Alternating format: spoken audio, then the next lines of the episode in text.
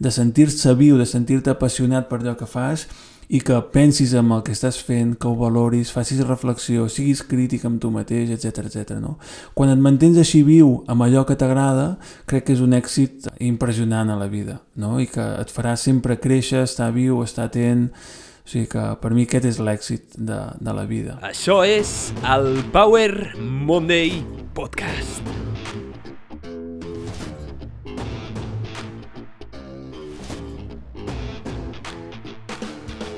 Benvinguts al Power Monday Podcast. Soc en Pau, el teu apassionat de salut, inspiració i ciència, i estic molt agraït de que estiguis escoltant aquest episodi. La música forma part ancestral, biològica, social i probablement essencial de la naturalesa de l'ésser humà. La música són aquests patrons de llenguatge amb els quals ens comuniquem, ens expressem, sentim i tenen la capacitat de modular les nostres emocions. Íntimament relacionat amb les emocions, el món de la música ens pot permetre descobrir-nos personalment, créixer i veure coses que abans no coneixíem, a part de formar part de l'experiència vital. El ritme n'és la base, però a vegades anem força desincronitzats, no anem a temps. Així que com podem connectar amb aquest ritme? Com podem connectar amb el nostre ritme interior, amb la música? I com la música ens pot ajudar a créixer personalment?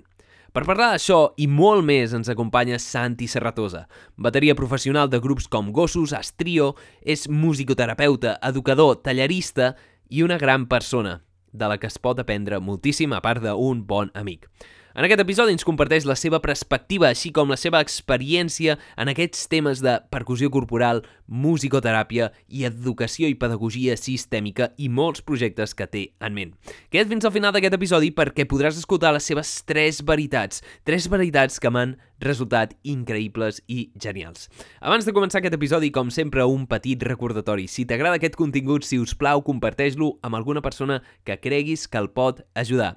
Em pots trobar a moltes plataformes i t'animo a posar-me seguir i fer un m'agrada a qualsevol plataforma que m'estiguis escoltant, sigui Spotify, Google Podcast, Apple Podcast i totes les altres plataformes en les que em pots trobar.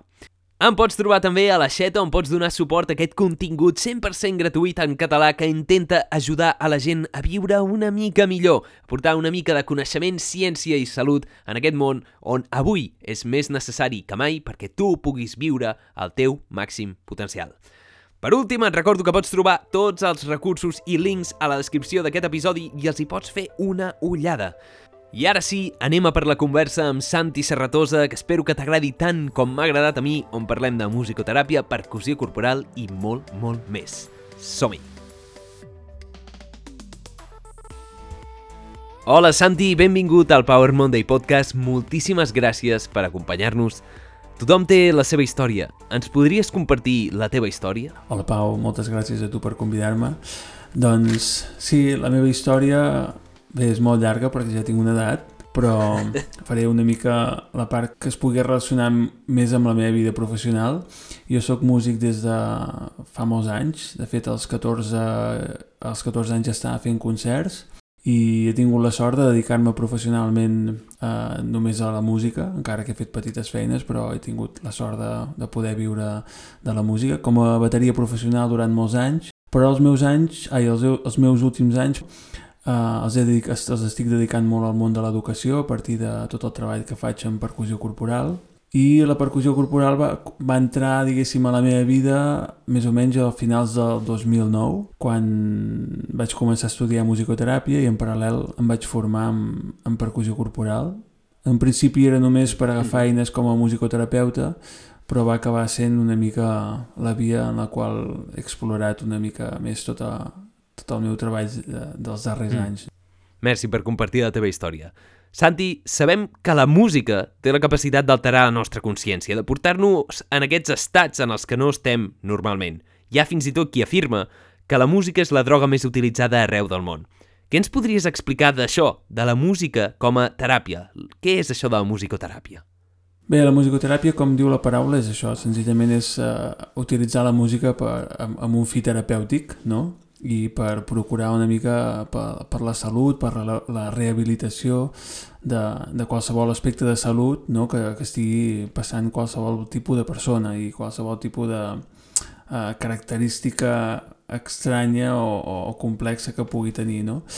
a aquella persona. Llavors, uh, senzillament és això, és fer teràpia mitjançant la música. Jo, jo he tingut la sort que just quan vaig acabar el màster vaig uh, estar treballant 3 anys en educació especial i és una mica el que, el que em va permetre desenvolupar molt uh, el meu llenguatge musical com a musicoterapeuta i també amplificar molt la meva visió de, de la música per ajudar la gent. I va ser una sort. I, i com, com seria una sessió de musicoteràpia perquè la gent es faci una idea, per exemple? Clar, depèn molt de, de l'objectiu terapèutic que hagis de treballar. Jo, per exemple, Clar. actualment estic treballant amb una, amb una noia que, que eh, va patir un ictus fa uns 3 anys i estem fent tota la part de rehabilitació motriu. Diguéssim que estem tot, el, tot el ús que fem de la música és per rehabilitar la seva, sobretot tot, a, tot el tema del, del caminar de nou. No? Amb ell estem treballant utilitzant la percussió corporal com a instrument per, per, per rehabilitar aquest aspecte que et comentava, però he treballat en molts casos que, que l'estratègia és diferent, la metodologia és diferent i Clar. perquè són, són objectius diferents. Quan estava treballant, per exemple, en, en educació especial, l'objectiu era molt més lúdic. Era que les persones amb les quals treballava, que la majoria eren joves, adolescents, amb diferents trastorns o discapacitats, tinguessin un espai setmanal en el qual eh, gaudien d'una activitat. Per tant, tot el meu acompanyament, a, part d'alguns objectius que venien determinats per les famílies, com ara resoldre algun tipus d'agressivitat, algun tipus de conducta que, que potser eh, condicionava el seu dia a dia, a part d'això, l'objectiu més important eh, en aquell moment era això, no? que tinguessin un espai on poguessin gaudir. Mm -hmm. Clar, entenc que la musicoteràpia és una teràpia molt més personalitzada del que sembla. Però a part, a part de la musicoteràpia també treballes molt en percussió corporal i potser no fa falta com estar malament per acudir a un musicoterapeuta per fer aquest procés com d'autodescobriment juntament amb la música i el ritme. Mm. Què és això de percussió corporal? És convertir-te en una bateria en potes o com tal qual. sí, sí, de qual. fet... Bueno, jo, jo, jo crec que, que el que funciona molt i que crec que la gent pot connectar de seguida és que la percussió corporal com a instrument és com la veu és un instrument que portem a, a sobre mm -hmm. no? i per tant tot el treball que puguis fer, igual com ens succeeix amb la veu, és molt transparent jo per això la poso tant, tant en, en, en, li dono tant de valor a, a la percussió corporal perquè és un instrument molt transparent que permet treballar moltes coses perquè tot és molt directe som com una finestra oberta no? quan estem tocant uh, aquest instrument que és el cos és com quan parlem o cantem tot allò que ens succeeix a nivell emocional, psicològic queda, es fa com, com molt evident i no hi ha excusa física no, que et permeti justificar qualsevol de, dels aspectes que et puguin condicionar en el teu desenvolupament com a músic o com a persona. No? Clar, a mi personalment, o sigui, pels que no ho saben, el Santi va ser el meu professor de bateria durant molts mm -hmm. anys i em va transmetre aquesta capacitat de quasi com pensar amb el ritme, d'entendre molts moviments i molts patrons corporals amb el ritme i com les emocions influeixen això. Mm. Com hi ha moments que el meu ritme és un i el meu ritme és un altre. Com creus que pot ajudar la percussió corporal a créixer una persona o a regular certes emocions, a trobar-se millor? Bueno, hi ha un primer pas que és, a, és la consciència no? que, que, que, que et pot aportar qualsevol instrument. Eh? La percussió corporal uh mhm. -huh. té aquesta virtut de la transparència que et deia, però qualsevol instrument, o quasi bé et diria quasi qualsevol procés creatiu, i no, no, no parlant només de la creativitat com a, com a fet d'executar una obra artística. No? Qualsevol procés creatiu a partir de, de fer allò que t'apassiona ens dona molta informació i per tant ens, ens obre molt la consciència sobre nosaltres mateixos i sobre nosaltres mateixos respecte als altres. No? Llavors la percussió corporal, com que jo sóc un apassionat, eh, estic enamorat de la percussió corporal, jo treballo molt a partir de crear estratègies precisament per despertar aquesta consciència, no? tot allò que succeeix en qualsevol procés creatiu o qualsevol procés d'aprenentatge. Llavors això m'ho facilita molt eh, a l'instrument per les característiques que té, però hi ha un embrió uh, iniciari, que, o inicial, perdó, que, que, és, que és això, la, la passió de veure tota la virtut uh, en allò que estimes, no? I que crec que això A la gent que ens apassiona qualsevol tipus de disciplina ens, ens succeeix això. Moltes vegades jo que faig molta formació els dic és que no cal posar tant, eh, tanta, donar tanta importància a determinades assignatures del currículum. Si de fet, si t'encantés, per exemple, escriure o fer pa, li veus totes les virtuts perquè segur que eh, treballaràs procediments, codis, metodologies que et permetran fer un treball rigorós tècnic però alhora emocional no? de, de, de què succeeix quan estic creant o què succeeix quan jo eh, mostro tot allò que he creat tota aquesta transferència i contratransferència no? Sí, és com quan hi ha molta implicació emocional amb alguna cosa que realment t'agrada i t'apassiona és com que no hi ha tanta fricció a l'hora d'aprendre certa cosa, que no t'has de forçar per arribar a cert lloc, és, et surt automàticament. Mm -hmm. Crec que ho, ho vaig sentir que ho parlaves un altre lloc com si t'encanten i t'apassionen les matemàtiques, veus matemàtiques a tot sí, arreu. Sí, sí, tal qual. Si veus la música com una passió, també la sents a tot arreu. És com que el ritme és constant. Mm -hmm. Sí. I això em resulta fascinant, perquè el fet de trobar aquestes passions fa que la vida sigui més interessant. Però a part d'això, també fa Santi el que es coneix mm. com a pedagogia sistèmica. Què és això? Bé, jo uh, fa uns uh, dos o tres anys vaig acabar la formació de pedagogia sistèmica i de fet feia molts anys que anava darrere d'aquesta formació perquè tenia, eh, tenia moltes ganes de fer aquesta revisió de mi mateix, no? de veure què succeïa en molts aspectes de la meva vida que encara m'inquietaven i que necessitava respostes i la veritat és que ha sigut una formació, sempre dic que és com un ITV, és com anar a passar la ITV personal, no? amb un, una etapa molt potent de força catarsis a, a cada mòdul que, que fèiem i en el meu cas el que ha despertat és molta consciència de, com diu la paraula, no? d'entendre'm dins un sistema concret, eh, en un inici dintre del meu d'entendre'm dins del meu sistema familiar, fer-me moltes preguntes del per què jo sóc o per què jo faig determinades coses, a partir d'entendre escoltar i acceptar tot allò que han viscut eh, els meus pares i si anem més endarrere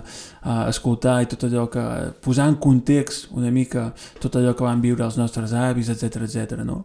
Quan poses consciència en aquest aspecte hi ha, hi ha tot un treball personal com molt interessant d'acceptació i per tant de mirar-te eh, d'una manera molt més, molt més sana i fins i tot de mirar mhm. d'una manera molt més sana també els teus pares, no? si hi ha alguna cosa que hagis de perdonar, que no seria el meu cas, senzillament una vegada revisar, escoltar i acceptar una mica, doncs eh, fa que ho visquis d'una manera molt més, molt més bonica i que en conseqüència això sanegi moltes vegades algun tipus de, de cosa que pugui haver-hi entre, entre qualsevol dels teus vincles que tinguis de sang, no? vincles familiars.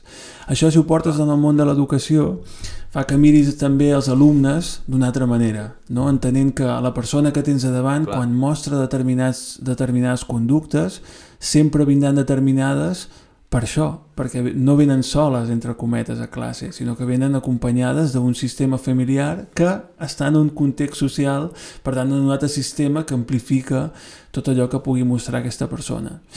I la veritat és que com a, com a tallerista o com a educador, no sé quina seria la millor etiqueta, ho trobo molt bonic poder atendre i acompanyar les persones des d'aquesta mirada, no? encara que sigui així de senzill, no? de, de dir és que allò que passa té un mm -hmm. per què i, i he de mirar-ho d'una altra manera. No? Que és com veure més enllà de, de les primeres aparences mm -hmm. que veiem, de jutjar ràpidament el que veiem i entendre que sota tota aquesta cosa, tota aquesta façana que es construeix, que és com la persona i el que t'arriba a transmetre, hi ha molt més, hi ha molta més profunditat, hi ha moltes més coses que l'han portat a arribar on sí. està ara. Santi, per lligar-ho una mica tot, com creus que alguna persona es pot beneficiar d'aquesta aproximació sistèmica, de contemplar les emocions juntament amb la musicoteràpia o la percussió corporal? Com se'n poden beneficiar la gent? Clar, Uh, dependrà molt de les teves expectatives quan, quan comences a treballar musicalment per, per, per, per assolir aquest objectiu o per intentar uh, treballar en aquesta direcció que tu, que tu comentes. No? Jo, sobretot, intento molt, a nivell metodològic, generar procediments en els quals la tècnica, o sigui, el que necessitem realment com a vehicle per, per, de, per, per executar determinades coses, musicalment parlant, també vagi de, de la mà d'una forta consciència emocional i psicològica de tot allò que succeeix. no? en, en el procés d'aprenentatge. Mm. Llavors intento molt uh, crear una estructura que en si és molt tècnica i és, uh, i és, uh, és una estructura que, que podria tenir la seva lectura tècnica en quan estem fent X compassos, seqüències, etc etc. però alhora és una, sempre jo parlo de l'estructura com una estructura previsible que ens dona seguretat. I és previsible a partir d'entendre el context sociocultural en el qual estem.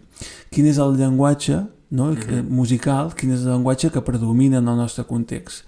Quan acompanyes amb estructura, no només resols, com deia, els aspectes tècnics, sinó que també fa que la persona eh, se senti totalment, o, o menys la intenció que hi poso jo, és que se senti segura en el procés, totalment segura, perquè encara que no faci la reflexió o no faci una anàlisi intel·lectual d'allà on som, entén contínuament tot allò que està succeint.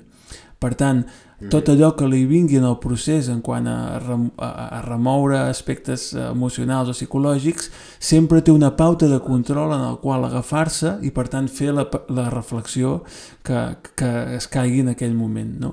jo poso la intenció a, a, treballant i poso aquesta intenció però no sempre ho pots acompanyar de la millor manera no? jo crec que qualsevol pràctica que porti l'atenció per una part al, al, a, un part, a una part creativa però també al cos, sempre acaba constituint com una part meditativa, que sempre té beneficis emocionals més enllà dels corporals i del fet del moviment. És com que totes les emocions provenen una mica del moviment mm. o tenen una relació completament directa. Recordo que quan toco la bateria és quasi l'estat meditatiu més profund en el que arribo. És com una cosa com molt salvatge mm -hmm. i puc arribar com a estats molt no sé com dir-ho, però és com un estat en el que estic molt, molt natural, no estic forçant res i sóc com pura emoció. Mm. Eh, em fa molta gràcia i, de fet, quan no toco la bateria, quan no toco ritme, ho trobo molt a faltar. Però a part d'això, a part de ser una percussió corporal introspectiva que et permet relacionar emocions i sentir coses i desvincular-te i crear aquestes connexions neuronals, també tens un projecte que em resulta super guai, que és la SSM Big mm -hmm. Band, si no m'equivoco, mm -hmm que a més a més crec que pot generar connexions, que no és només una cosa d'introspecció pura, que la percussió corporal també et pot servir per comunicar-te amb altres persones, igual que qualsevol tipus de música que mantingui aquesta estructura, mm -hmm. no? Què ens pots explicar d'això, de, de generar-ho com no només individualment, sinó col·lectivament, amb més persones. Clar, jo crec que la força està en el col·lectiu sempre, no? I, i la percussió mm. corporal, el tenir aquest punt tan, tan primitiu, no? tan tribal, fa que la connexió sigui molt forta. Depèn, evidentment, del que creis i del que exposis eh, col·lectivament o, o si ho portes a l'escenari públicament, no? Però si tens la sort de, de crear un repertori que més o menys eh, cuidi molts aspectes, no? I tens la sort de connectar, la força és, eh, és, és impressionant. Uh, llavors, no sé, jo hi poso tota la intenció perquè així sigui. De fet, és molt bonic. Jo, jo, jo vaig crear l'SSM Big Hand totalment amb aquesta intenció, no? de crear un projecte eh, artístic. És, és, és Big Hand? Sí, Big Hand. Eh, jo pensava sí. que era Big Band, perdona. Sí, no, bueno, perquè, perquè a vegades posem entre parèntesis Big Band perquè és com una Big Band ah, de percussió va, corporal. Va, sí, va, sí. Va, va. Val. Però uh, l'objectiu d'aquesta Big Band, diguéssim, de, de percussió corporal, precisament era tenir una eina per desenvolupar uh, aspectes tècnics no? de, de creació, de crear material uh, coreogràfic a partir de, del cos, però també de tot el treball de, de lideratge, no? del que representa mm -hmm. liderar, liderar un grup, no? connectar, connectar, a fer que, o provocar que es connecti entre iguals, entenent el rol com entenent els iguals com el rol d'intèrpret o, o en el meu cas de director, no? que i, i he posat tota una intenció com molt conscient, no? de fet ho vaig, la vaig crear en una edat que em podia dir com moltes coses, vale? jo seré el director, jo mm. vull treballar això, això, això, això i això, no? Molt ego en aquest sentit, veig aquí una lluita amb la pressió de l'ego, no? Totalment, sí, sí, per treballar també l'ego, o sigui que això també ha sigut un treball important, no? De com, de com respon l'ego a aquest rol, perquè mm Uh, jo he estat, per sort, he treballat en molts grups i, i moltes vegades els lideratges s'estableixen d'una manera natural. Uh, et mm. trobes amb quatre amics, comences a tocar i el, en aquest grup potser estàs ocupant el rol de líder pels motius que siguin, però te'n vas a un altre grup i potser el lideratge és compartit o potser te'n vas a un altre grup i ja no ets líder, i tot això és natural, funciona per naturalesa de, de, de la comunió que es crea amb, amb els companys o companyes que, que estiguis tocant.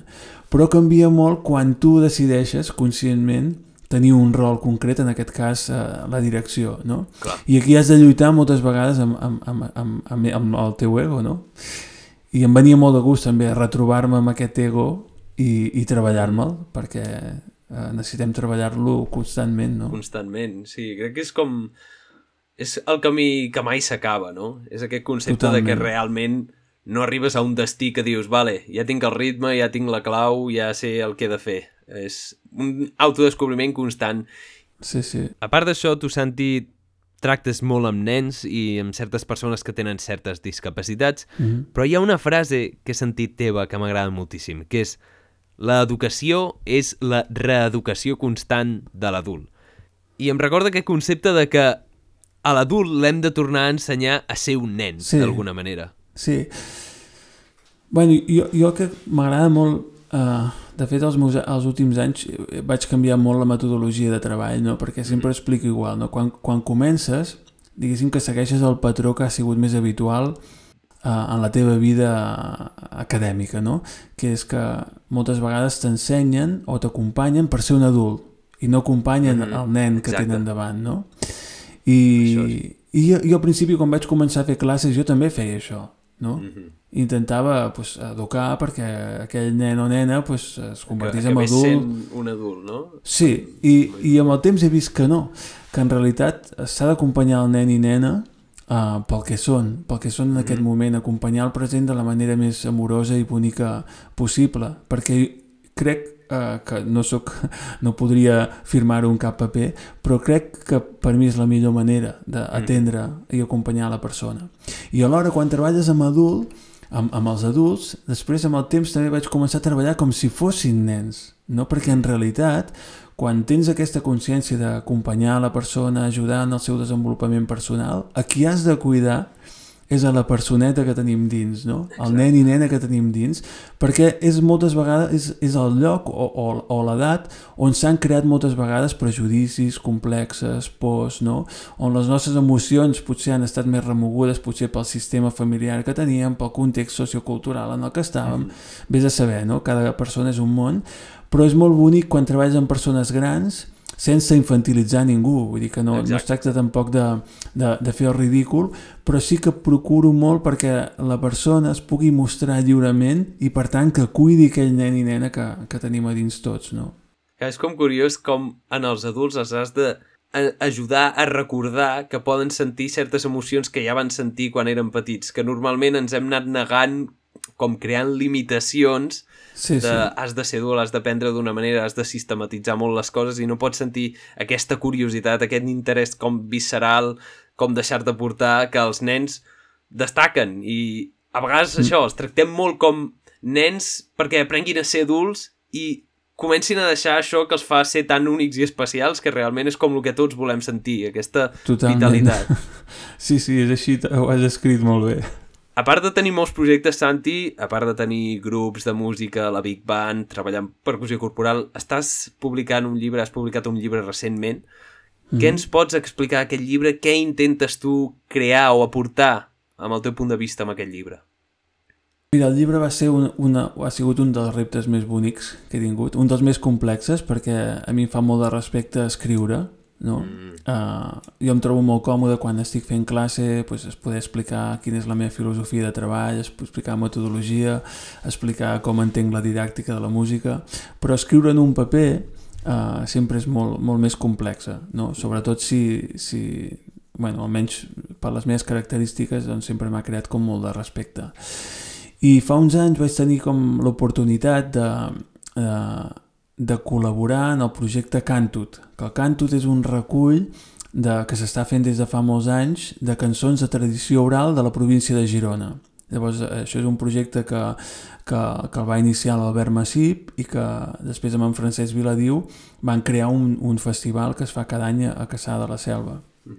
I jo vaig tenir, eh, bueno, em van proposar, perdó, eh, que a veure si podia fer un taller amb repertori del càntut. Eh, per, per poder-ho poder, -ho, fer durant un temps i poder-lo exposar en el, durant el festival, tot el resultat final. I diguéssim que vaig tenir com el pretext perfecte, perquè era un, era un, un treball eh, de moltes coreografies, etc etc, el pretext perfecte per escriure el llibre. Jo feia temps que tenia com pendent, però no trobava el moment ni el pretext eh, que em digués, va, és això, no? I el canto, tota la meva col·laboració amb ells i tot el repertori i material que vaig generar, doncs em va permetre tenir un llibre amb un, amb un pretext únic, diguéssim, i molt, molt concret, que alhora em permetia poder parlar de metodologia i poder mostrar o compartir també eh, material didàctic de, de percussió corporal i aquest ha sigut el projecte, de fet ha sigut molt bonic, jo sempre a vegades quan parlo, parlo amb els amics d'escriure de, es dic, ostres, és, és, és el millor que pots fer perquè t'ajuda a tancar uh, una etapa uh. -huh. i et potencia la que ve, no? perquè d'alguna manera tot allò que per intuïció potser parles a, a, a, a, la, a la formació, potser comparteixes amb companys i companyes de professió, etc etc.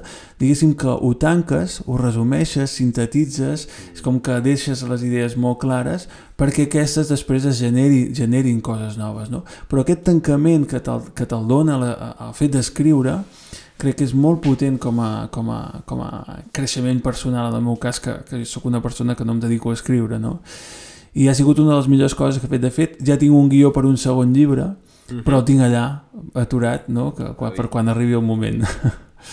Doncs jo t'animo a que segueixi. Amb sí, això sí, sí, llibres, tinc moltes ganes. Amb això dels llibres és aquest concepte de ensenyar és aprendre dues vegades i ha fet el, el fet d'haver de condensar tant la informació i mm. de manera que sigui comprensible i resumir et fa a entendre més bé tot que no pas si simplement ho has estudiat. Si ho has d'ensenyar, ho has de plasmar i es converteix en la realitat, fa que el llibre jo crec que t'ajuda a aprendre i segur que si ara Totalment. tornes a llegir el teu llibre aprendràs com de tu mateix o pensaràs sí, sí. que has vist coses que en aquell moment no havies vist. És així, um, tal qual. el llibre es diu Cantut. Cantut, sí.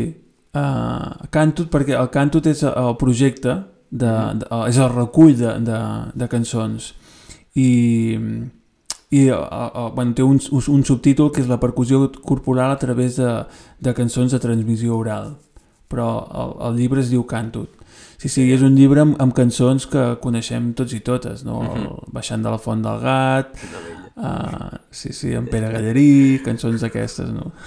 Genial, bueno, i a més a més veig que, que ajudes com a contribuir una mica la, la, la cultura popular catalana en aquest sentit i la tradicional sí. que, tenim, que tenim aquí. Sí, bueno, deixa'm afegir una cosa important que per mi també era interessant aquest llibre per mm -hmm. parlar a nivell metodologia de, perdó, a, a nivell metodològic de la importància de la creació de vincles, no? I, i en aquest cas la música et permet molt treballar a partir de, de, de jo sempre treballo molt amb les preferències musicals de, dels alumnes amb els quals mm -hmm. estic treballant o intento tenir molta consciència de què succeeix a nivell musical en l'actualitat perquè aquestes cançons són el pont estilístic perquè escoltin altres estils de música i perquè hi connectin, no només tècnicament sinó també emocionalment, mm. perquè moltes vegades si, si vols treballar amb música amb eh, algun repertori que està totalment fora de context i no connecta emocionalment en, en el moment en el, que està, en el que està aquesta persona, pot ser que la seva predisposició a aquest aprenentatge eh, vingui negada precisament per això, no? I en el canto també em vaig permetre o volia parlar d'això, no? de la importància de crear contingut significatiu a partir d'una forta consciència eh, social o sociocultural d'on som per crear aquests ponts per la gent, perquè la gent jove descobreixi repertori que potser serà eh, important o no, però serà bonic de, de, de, que el coneguin, no? perquè els aportarà X, X eh, objectius o X eh, coses. No? Genial, em sembla una proposta super interessant i tinc ganes ja que et posis mans a la feina amb el segon llibre quan, sí, quan sentis que, que el temps arriba. Um, sí. En el podcast sempre hi ha la intenció de que la gent s'emporti un missatge que pugui aplicar a la seva vida, que pugui ser pràctic i que realment pugui ajudar-la a viure millor. Llavors, la pregunta seria com pot aplicar alguna persona que estigui escoltant ara mateix la percussió corporal per créixer personalment i per descobrir coses que potser creia que no eren possibles? Clar, el primer que has de fer és a, a, a fer el pas per viure-ho, per estar en un context en el qual a nivell pràctic utilitzis el cos i, més recomanable, que sigui en un context social en el qual estiguis amb més gent, no? Perquè serà... A casa et pots excusar tu sol en moltes coses, però quan t'exposes socialment a un aprenentatge nou, si la teva voluntat és precisament de treballar-te a nivell personal, tot allò que, que facis a nivell social serà molt més contundent no? en, aquest, en, en aquest inici per obrir aquesta porta no? i començar a treballar determinades coses. Llavors el primer pas uh, jo el que recomanaria molt és que, que fessin que estiguessin en algun taller, per exemple, no? de percussió corporal, en el qual aprens i aprens amb, amb altres persones. I això genera connexions, genera vincles i crec que fa que tot sigui més fluid i més maco. Sí. On pot trobar la gent això? On pot experimentar aquesta sensació? On, aquests tallers? Uh, com els fas, uh, aquests tallers? On et poden trobar? Clar, jo, jo bàsicament em dedico a, a fer molts tallers per a escoles i instituts. De fet, a, a la meva setmana, diguéssim, és moure'm per diferents punts de, del país eh, fent tallers per a escoles, però llavors vaig fent formació, jo total, totalment freelance des de fa molt temps i vaig fent formació arreu, tant Catalunya, Espanya, fins i tot surto fora, no? I regularment, actualment, no tinc cap espai on la gent em pugui trobar, o sigui que m'han de seguir per la web i veure si coincideix que geogràficament doncs, queda a prop algun dels cursos que faig. Sí, podeu mirar a la web santiserratosa.com, crec que és, mm -hmm. i mhm. també podeu buscar-lo a YouTube, que on té diferents vídeos, diferents coreografies, alguna de les quals crec que es va fer viral en el seu moment, um, mm -hmm. i també podeu trobar que jo els he mirat, alguns seminaris que estan penjats i gravats que són molt interessants i t'ajuden aquest fet de descobrir-te personalment a través de portar l'atenció en el cos, que com deia, moltes pràctiques de meditació es basen simplement en això, en el mindfulness, en posar atenció en el cos i no intentar suprimir les emocions a través de la raó, que normalment porta a carrerons sense sortida que no porten enlloc. Mm -hmm. Llavors, que, quins més projectes tens ara en ment? Perquè sé que tens molts projectes en general, Santi. Um, quin, què ens pots dir dels projectes que tens ara mateix? Mira, um, pel que fa a percussió corporal, uh, és reemprendre una mica uh, la Big Hand, que uh, abans de la pandèmia havíem acabat el que era la segona etapa, que era la presentació del segon espectacle que es deia Saco. Uh, el vàrem tancar, per exemple, amb la Big Hand he intentat treballar... No, és, la voluntat no és convertir-ho en un grup professional, sinó que és com un cor amateur, però sí que treballem com si fos un projecte professional. Hem creat dos espectacles, eh, els presentem 10 o 15 actuacions, tanquem, en creem un altre i, i el tanquem. I abans de la pandèmia havíem acabat el SACO i havíem de començar el que era la preparació del tercer espectacle, mm -hmm. que, que jo ho he aturat perquè no em venia de gust estar assajant amb, amb mascareta, perquè yeah. necessito... Si toquéssim, sempre ho explico així, no? però és que si toquéssim instruments convencionals seria diferent, però el fet d'utilitzar el cos jo necessito veure les cares de, dels intèrprets, eh, veure com responen a tot el material nou i per mi és molt important perquè precisament el tercer espectacle vull que sigui molt diferent que, que els anteriors i a nivell artístic aquest és el, el projecte més important que, que vull començar crec que hauré de baixar el burro perquè s'està allargant el tema mascareta però m'agradaria que, que no cap, abans de que acabi aquest 2022 haver començat els assajos Sí, sembla a vegades que ha vingut una mica a quedar-se almenys el tema mascareta i espero que sí, sí. dins de la Big Band ho podeu fer. Quantes persones sou a la Big Band? Actualment 30 o 31, mm. s'ha anat movent sempre entre 25, 31, més o menys. És que això de, de la percussió corporal igual no és molt impressionant, però quan ho fan 30 persones realment t'impacta moltíssim més. Clar, quan mm. veus una persona fent el... És una cosa diferent que no sí. pas quan veus 35 persones ben coordinades, els vídeos que teniu són impressionants i en plan, a vegades et fan posar una mica la pell de gallina. Però a part de Big Band, també estàs, suposo, encara amb Estrio, Gossos... Mm -hmm. Quins més projectes tens? Uh... Clar, uh, amb Gossos ara estem parats. Quan vàrem complir els 25 anys mm -hmm. vam aturar el grup. No s'ha dissolt el grup, però sí que estem aturats i no sabem quan començarem. I, i bueno. aquest és un, un projecte que està viu però està dormint, per entendre'ns.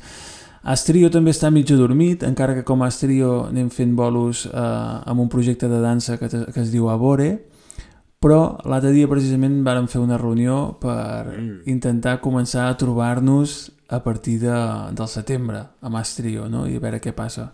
O sigui que no sé si ho puc dir públicament, però ja ho he dit. Ara ja ho has dit, si, si vols Sí. ho trec, eh? Sí. No, no, no, no.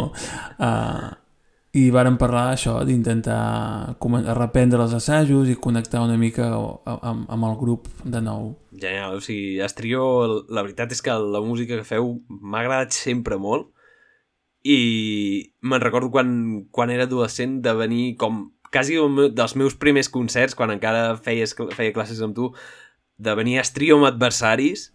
Aquell Ostres, concert sí. em va obrir molt els ulls a Manresa, a la Pasternak, va ser... Uau! Va ser sí, va ser brutal. l'ú- a l'últim de la gira que vàrem fer. Va ser, va ser, Va ser increïble. O sigui, Sí, sí, va ser increïble aquell dia. Tinc molt bons records d'aquell dia. Um, sí. Va, Santi, anem acabant l'episodi. Um, abans d'acabar, primer de tot agrair-te moltíssim tota la teva feina, tot el fet de portar una mica de més de consciència en el món de l'educació, de, de la música i la percussió corporal i com realment estàs intentant utilitzar aquest procés d'aprenentatge per descobrir-te personalment, que probablement tots els processos d'aprenentatge ho són, però hi poses realment un èmfasis i fas aquesta aproximació sistèmica, aquesta pedagogia sistèmica que realment és molt interessant d'entendre la persona com un individu únic que pot créixer i realment vull agrair-te per això i felicitar-te i animar-te que segueixis amb aquest i molts més projectes que tens. Gràcies, Pau. Gràcies a tu. Per això, on et poden trobar, Santi? On poden consultar els teus projectes? Quines són les xarxes socials que utilitzes? On poden contactar amb tu? Mm -hmm. uh, bé, a, a YouTube poden veure tots els vídeos que vaig creant tant en els projectes artístics com els projectes educatius. Jo molta feina la faig per, per escoles i instituts que em fan encàrrecs de coreografies i, i de pas alguns d'aquests projectes aprofito per fer tutorials, o sigui que si algú té curiositat per aprendre algun ritme de percussió corporal també pot trobar tutorials, no només meus, eh? ja, sí. si busquen body percussion tutorials trobaran de molta gent, però en el meu cas tinc penjats tant vídeos artístics com tutorials de percussió corporal que potser amb una primera així presa de contacte potser a la gent li pot anar uh, li pot agradar això, fer un, un tutorial de percussió corporal i a veure com, com li ressona. I llavors Ja. estic a les típiques, encara que no sóc molt actiu a xarxes perquè em fa certa mandreta, Ja, bueno. encara que hi vaig entrant, però Entenc. em fa, sí. però a Instagram, sóc a Instagram, a Twitter també, però mai, tuitejo, mai faig retuits quan veig que em, cone- que em, que em tuitegen, però no, no sóc molt actiu. Faig Va. el xafarder, eh, també, com, com, com crec que tothom, però Una mica tothom. no, no, no, no estic molt actiu a xarxes. Val, doncs santiserratosa.com, la seva web, allà també podeu trobar links a totes les Sí. xarxes, a Instagram Santi Serratosa, a YouTube també Santi Serratosa, més o menys ho tenim fàcil.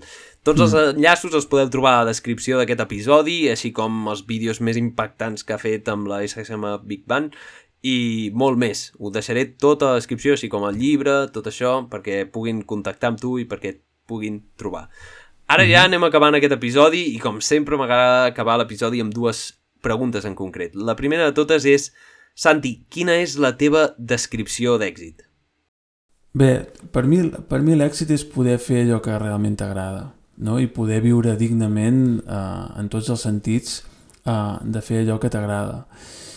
I l'èxit crec que també és, afegiria una cosa aquí, que és en, en estar fent en aquesta realització d'allò que t'agrada, tenir tem sempre la inquietud de voler créixer no? i d'estar en processos creatius que et permetin créixer. No?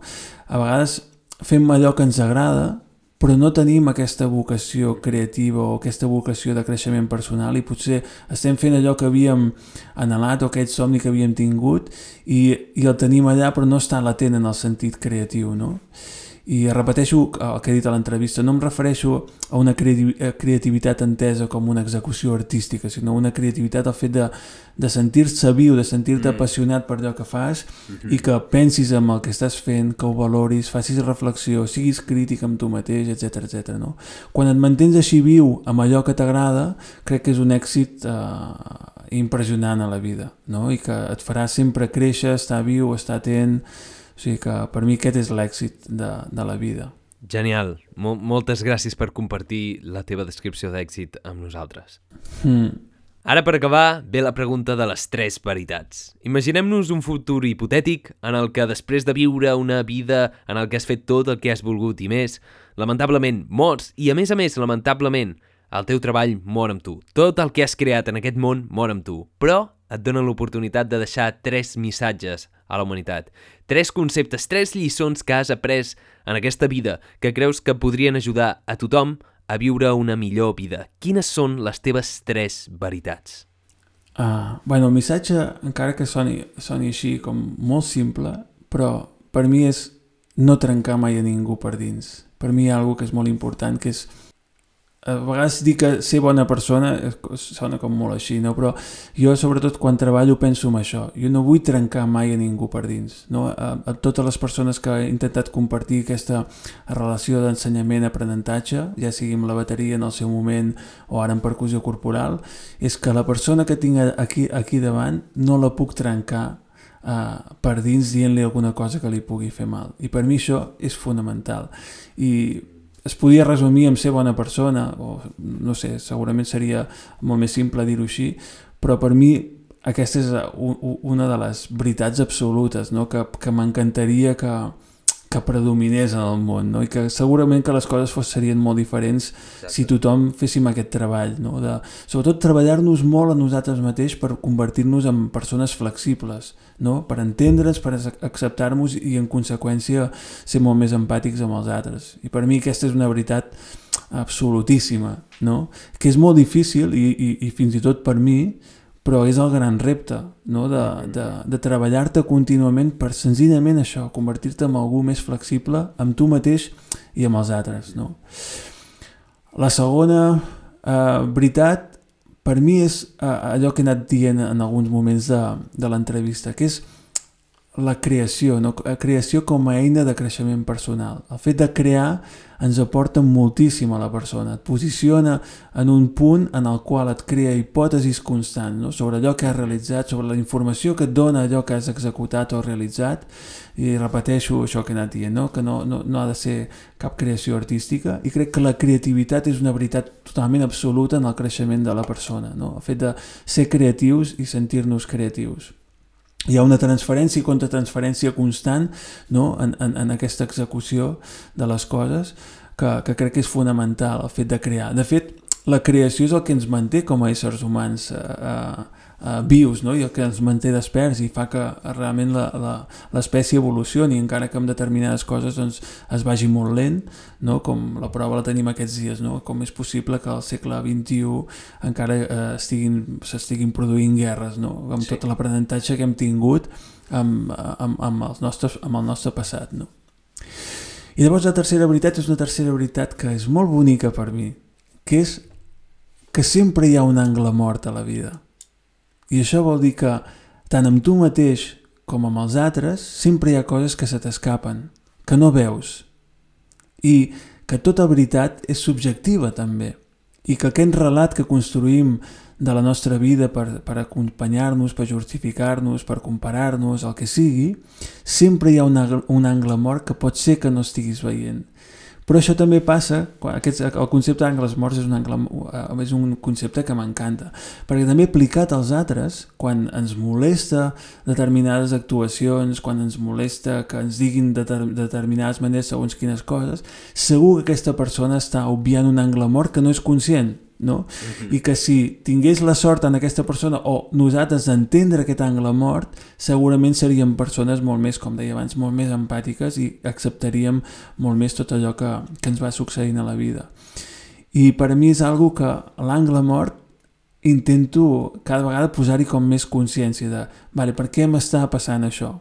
No? Intentar obrir aquesta mirada cap, cap a veure cap a altres costats. Mm -hmm. És molt difícil, molt complexa i quan amb el dia a dia doncs, tenim feina o, o a temporades que estem malament és molt difícil obrir aquesta consciència, aquesta mirada cap als angles morts, sobretot a vegades amb la gent, que això és el més injust, no? que és el que intento treballar-me més jo i el que m'ho resulta més difícil, amb la gent que estimem, no? amb la gent de la nostra família, els amics i amigues més propers, la nostra dona, els company, companya, el que sigui. No?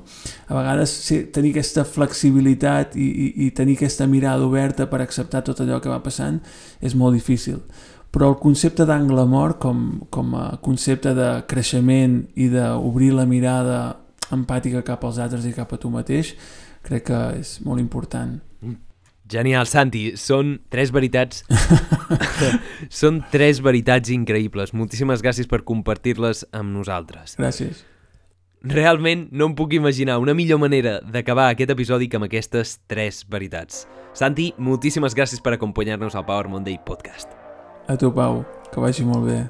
Gràcies. Moltíssimes gràcies per haver escoltat aquest episodi. Espero que t'hagi agradat molt o t'hagi aportat una mica de valor. Recorda, si us plau, si t'ha agradat, t'ha inspirat, t'ha semblat interessant aquest episodi, comparteix-lo amb alguna persona que creguis que se'n pot beneficiar. Ajudaràs a fer créixer més la paraula del Power Monday Podcast.